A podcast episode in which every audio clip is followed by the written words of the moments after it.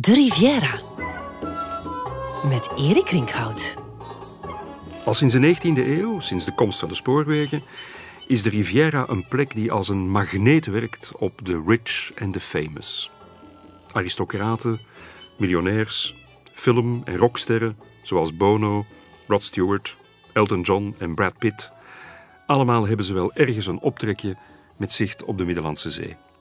Het ene al wat luxueuzer dan het andere.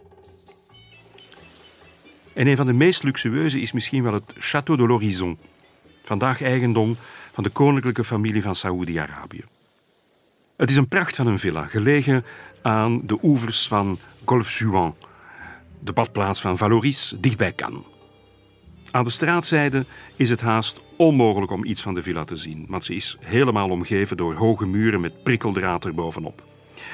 Om de villa in haar volle pracht te kunnen aanschouwen, zou je dus al een bootje moeten huren, al is de kans groot dat je ook daar als spottenkijker meteen wordt weggejaagd. Het Château de l'Horizon werd in 1932 gebouwd door de Amerikaanse modernistische architect Barry Dirks voor de actrice Maxine Elliott. Haar naam is nu misschien grotendeels vergeten, maar eind 19e, begin 20e eeuw was ze een van de meest gevierde actrices van haar tijd. De eerste vrouw ook die op Broadway haar eigen theater bezat. Ze was een zeer gewiekste zakenvrouw. Met slimme investeringen wist ze een klein fortuin te vergaren. Na de Eerste Wereldoorlog woonde ze een tijdje in België, maar begin jaren 30 besliste ze dus om zich terug te trekken in haar droomvilla aan de Riviera. Die villa is in feite een imposant complex van witte gebouwen in Art Deco-stijl met platte daken en grote boogramen en een groot zwembad ervoor. Ook de tuin is helemaal door architect Barry Dirks ontworpen. Er is een glijbaan waardoor je rechtstreeks in de zee kan duiken. En er hangt zelfs een gigantische kunstmaan die aangestoken kan worden op donkere avonden. Maar het meest indrukwekkend is de witte, monumentale trap die van de villa afdaalt naar de kust. Uitermate geschikt om de hoge, genode gasten die er per boot toekwamen in stijl te ontvangen. En dat waren er nogal wat. Lloyd George, de Engelse eerste minister, de hertog en hertogin van Windsor en Sir Winston Churchill. Die laatste zou regelmatig zijn vakanties doorbrengen om er te schrijven en vooral te schilderen. Dat schilderen was voor hem meer dan zomaar een tijdverdrijf. Het had iets therapeutisch. Hij koos de mooiste plekjes uit om daar, in navolging van zijn grote voorbeeld Paul Cézanne, het altijd veranderende licht proberen vast te leggen. Uren en uren kon hij daar onafgebroken en geconcentreerd mee bezig zijn, meestal met een dikke sigaar in de linkermondhoek.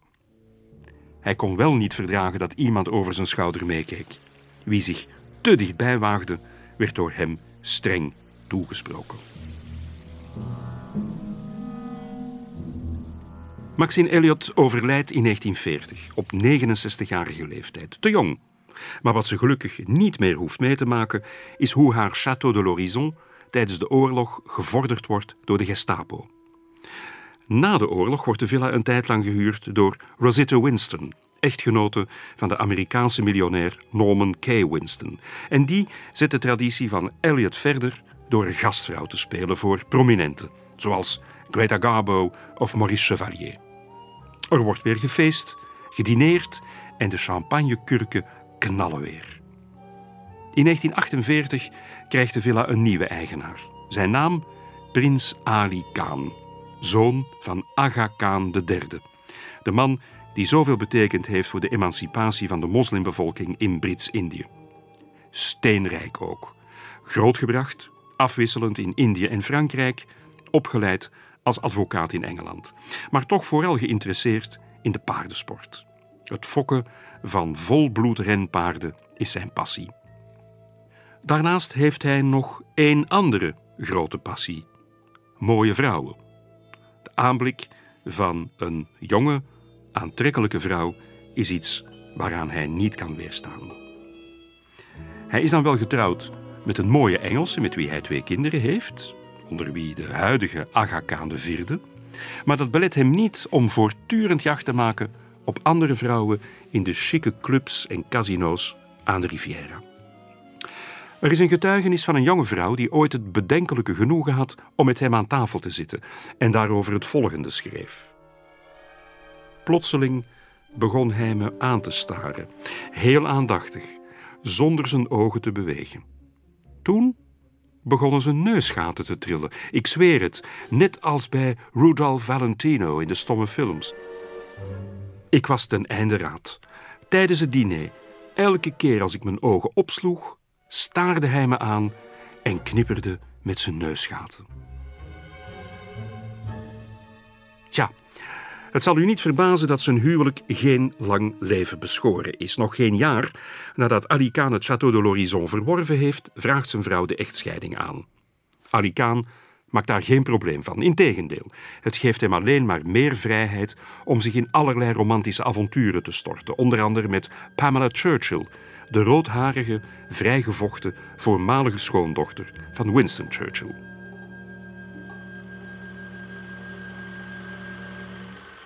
Nog een andere favoriete bezigheid van Ali Khan is het bekijken van films.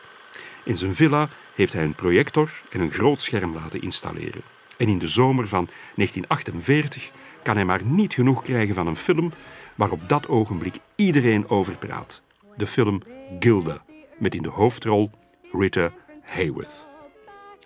De film moet van hem telkens opnieuw en opnieuw geprojecteerd worden. Zo gebiologeerd is hij door de flamboyante verschijning van de actrice.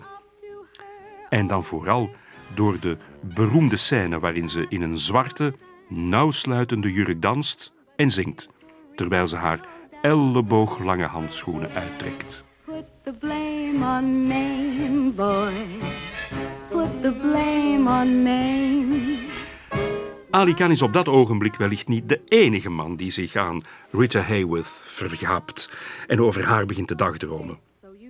Haar rol als Gilda levert haar niet voor niets de naam op van Hollywoods liefdesgodin. Maar in tegenstelling tot de meeste mannen blijft het bij Ali Khan niet bij dagdromen.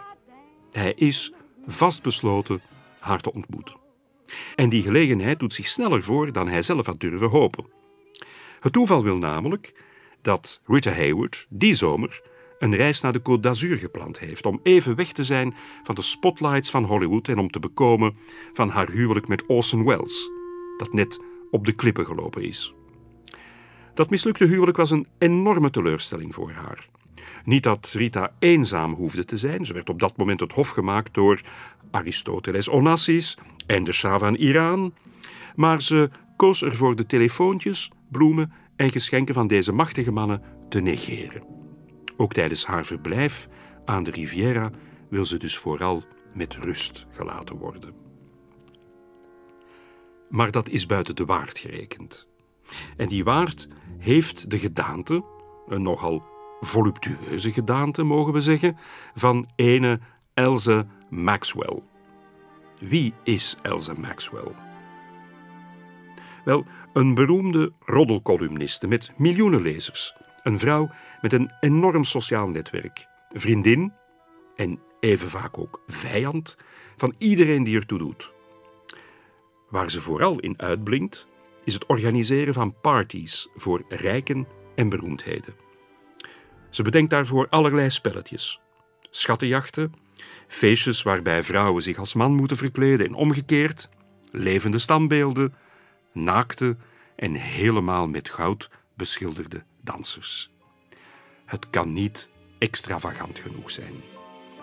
Die feestjes worden weliswaar altijd betaald door anderen, maar worden zo legendarisch dat ze zowat overal gevraagd wordt om dat soort feesten te organiseren. Overal waar de high society zich bevindt, van Venetië tot Monaco.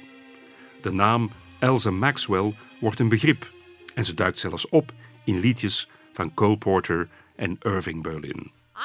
the chosen party giver for the White House clientele. And they know that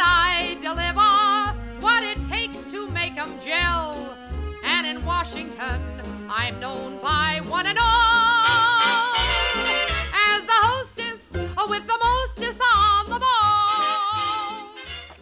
Ja, overal waar Elsa Maxwell is, daar is het bal.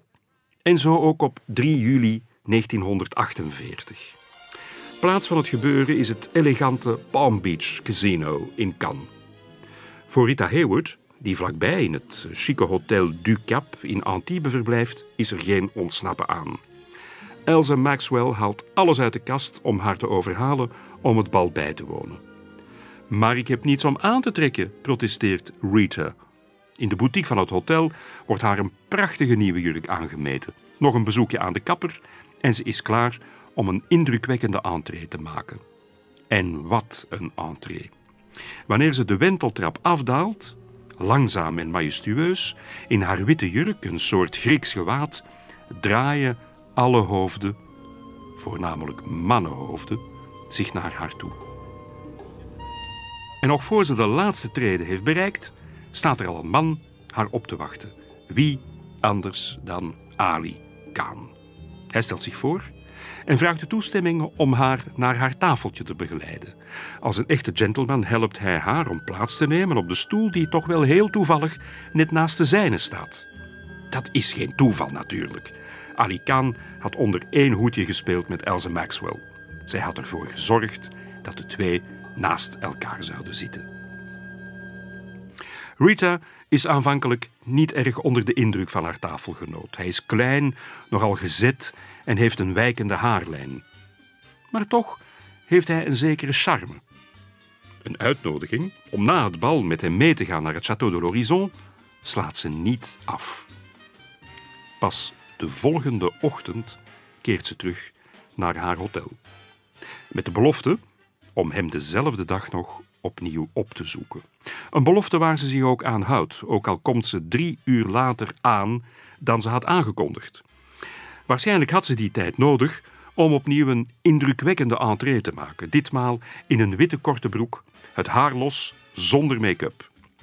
Haar natuurlijke schoonheid slaat Ali met verstomming. Er wordt wat gedronken aan de rand van het grote zwembad.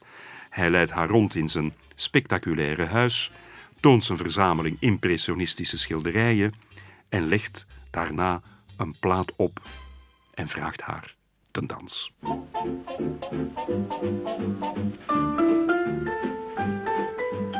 Heaven, I'm in heaven. Je ziet het zo voor je. Het romantische plaatje. Rita Hayworth en Ali Khan. Alleen zij twee, dansend cheek to cheek... in een van die grote zalen van zijn prachtige villa... terwijl een zachte zeebries door de openstaande ramen waait. Een moment dat eeuwig zou moeten blijven duren. Maar helaas, de volgende dag moet Ali vertrekken naar Ierland. Een van zijn rempaarden moet daar aan een belangrijke race deelnemen. En dat is iets waar hij niet onderuit kan. Pas na vijf dagen kan hij terugkeren naar Frankrijk, maar Rita belooft hem dat ze op hem zal wachten in haar hotel in Antibes. Daar wordt ze dagelijks overstelpt met grote boeketten rode rozen van Ali Khan. Maar op de dag voor de terugkeer van Ali gebeurt er iets vreemds.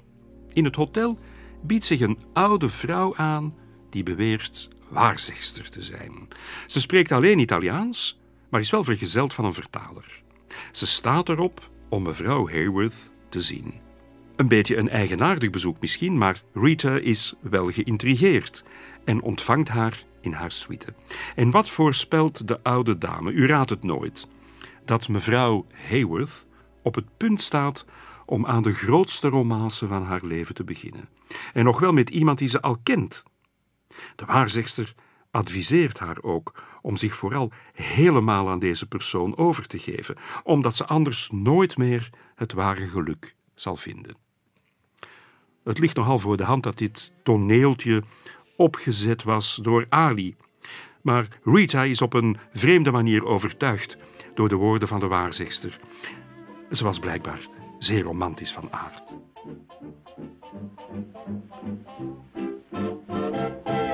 De volgende dag al neemt ze haar intrek in het Château de l'Horizon, waar ze zich laat verwennen door Ali's exotische Indiaanse personeel en natuurlijk door Ali zelf. En ze laten er geen gras over groeien. Op 27 mei 1949 treden ze in het huwelijk. Een korte, eenvoudige ceremonie met hooguit 40 gasten, maar wel onder de ogen van de gehele wereld. De pers is massaal aanwezig. In het Château de l'Horizon wordt na de plechtigheid een chique receptie gehouden. Het paar poseert voor de foto's bij het zwembad, waarvan het water voor de gelegenheid geparfumeerd is met eau de cologne en waar op het water witte anjers drijven die hun initialen vormen. At the little town hall of Valorie near Cannes, a blaze of high-powered publicity reached its climax as filmstar Rita Hayworth arrived for her wedding to Ali Khan.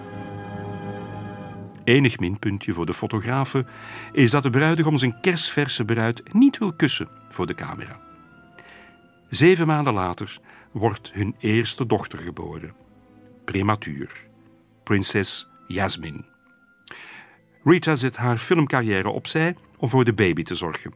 En ze doet ook haar best om mee op te gaan in de leefwereld van haar man, hoewel het fokken van paarden of het bijwonen van paardenraces nu niet echt aan haar besteed is. En wat te verwachten was, ze begint zich te vervelen. En na twee jaar begint ook Hollywood weer te lonken. Ook Ali raakt teleurgesteld. De glamoureuze liefdesgodin die hij dacht gevonden te hebben, blijkt ook maar een gewone vrouw te zijn. Men go to bed with Gilda, but awaken with me, heeft Rita daar ooit zelf over gezegd. In 1951 wordt Kaan al dansend gespot met de actrice Joan Fontaine in een nachtclub in Cannes. Niet veel later vraagt Haywood de echtscheiding aan op grond van extreme vreedheid, geheel geestelijk van aard. En ze verhuist terug naar de Verenigde Staten. Wat volgt is nog een hevige strijd om de voogdij van hun dochter, die uiteindelijk in het voordeel van Haywood wordt beslecht. Ze slaat daarbij een aanbod af van 1 miljoen dollar. Wat zou ze daarvoor moeten doen? Jasmin vanaf haar zevende jaar opvoeden in het moslimgeloof en haar toestaan om twee of drie maanden per jaar naar Europa te gaan om haar vader te bezoeken. Rita Haywood zegt: Niets zal mij ertoe brengen om Jasmins kans op te geven om hier in Amerika tussen onze kostbare vrijheden en gewoonten te leven. Hoewel ik het moslimgeloof en alle andere godsdiensten respecteer, is het mijn vurige wens dat mijn dochter wordt opgevoed als een normaal, gezond Amerikaans meisje in het christelijke geloof. Er is geen geldbedrag ter wereld dat het waard is om dit voorrecht op te offeren. Einde citaat.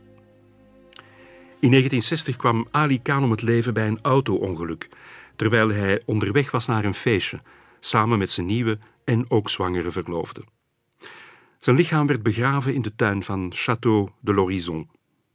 En in 1972 worden zijn stoffelijke resten overgebracht naar Syrië om daar herbegraven te worden in een mausoleum. En hoe verging het Rita Hayworth? Wel, als actrice beleefde ze nog een glansrijke carrière, maar op privévlak werd het er niet beter op, mede door haar verslaving aan het duiveltje dat alcohol heet. In 1953, het jaar waarin ze officieel scheiden van Ali Khan, trouwde ze al meteen met een ander man, de populaire acteur en zanger Dick Haynes. Maar ook dat huwelijk was na twee jaar al afgelopen. Met haar volgende man, de filmproducer James Hill, hield ze het welgeteld één jaar langer uit. Put the blame on me, boys. Put the blame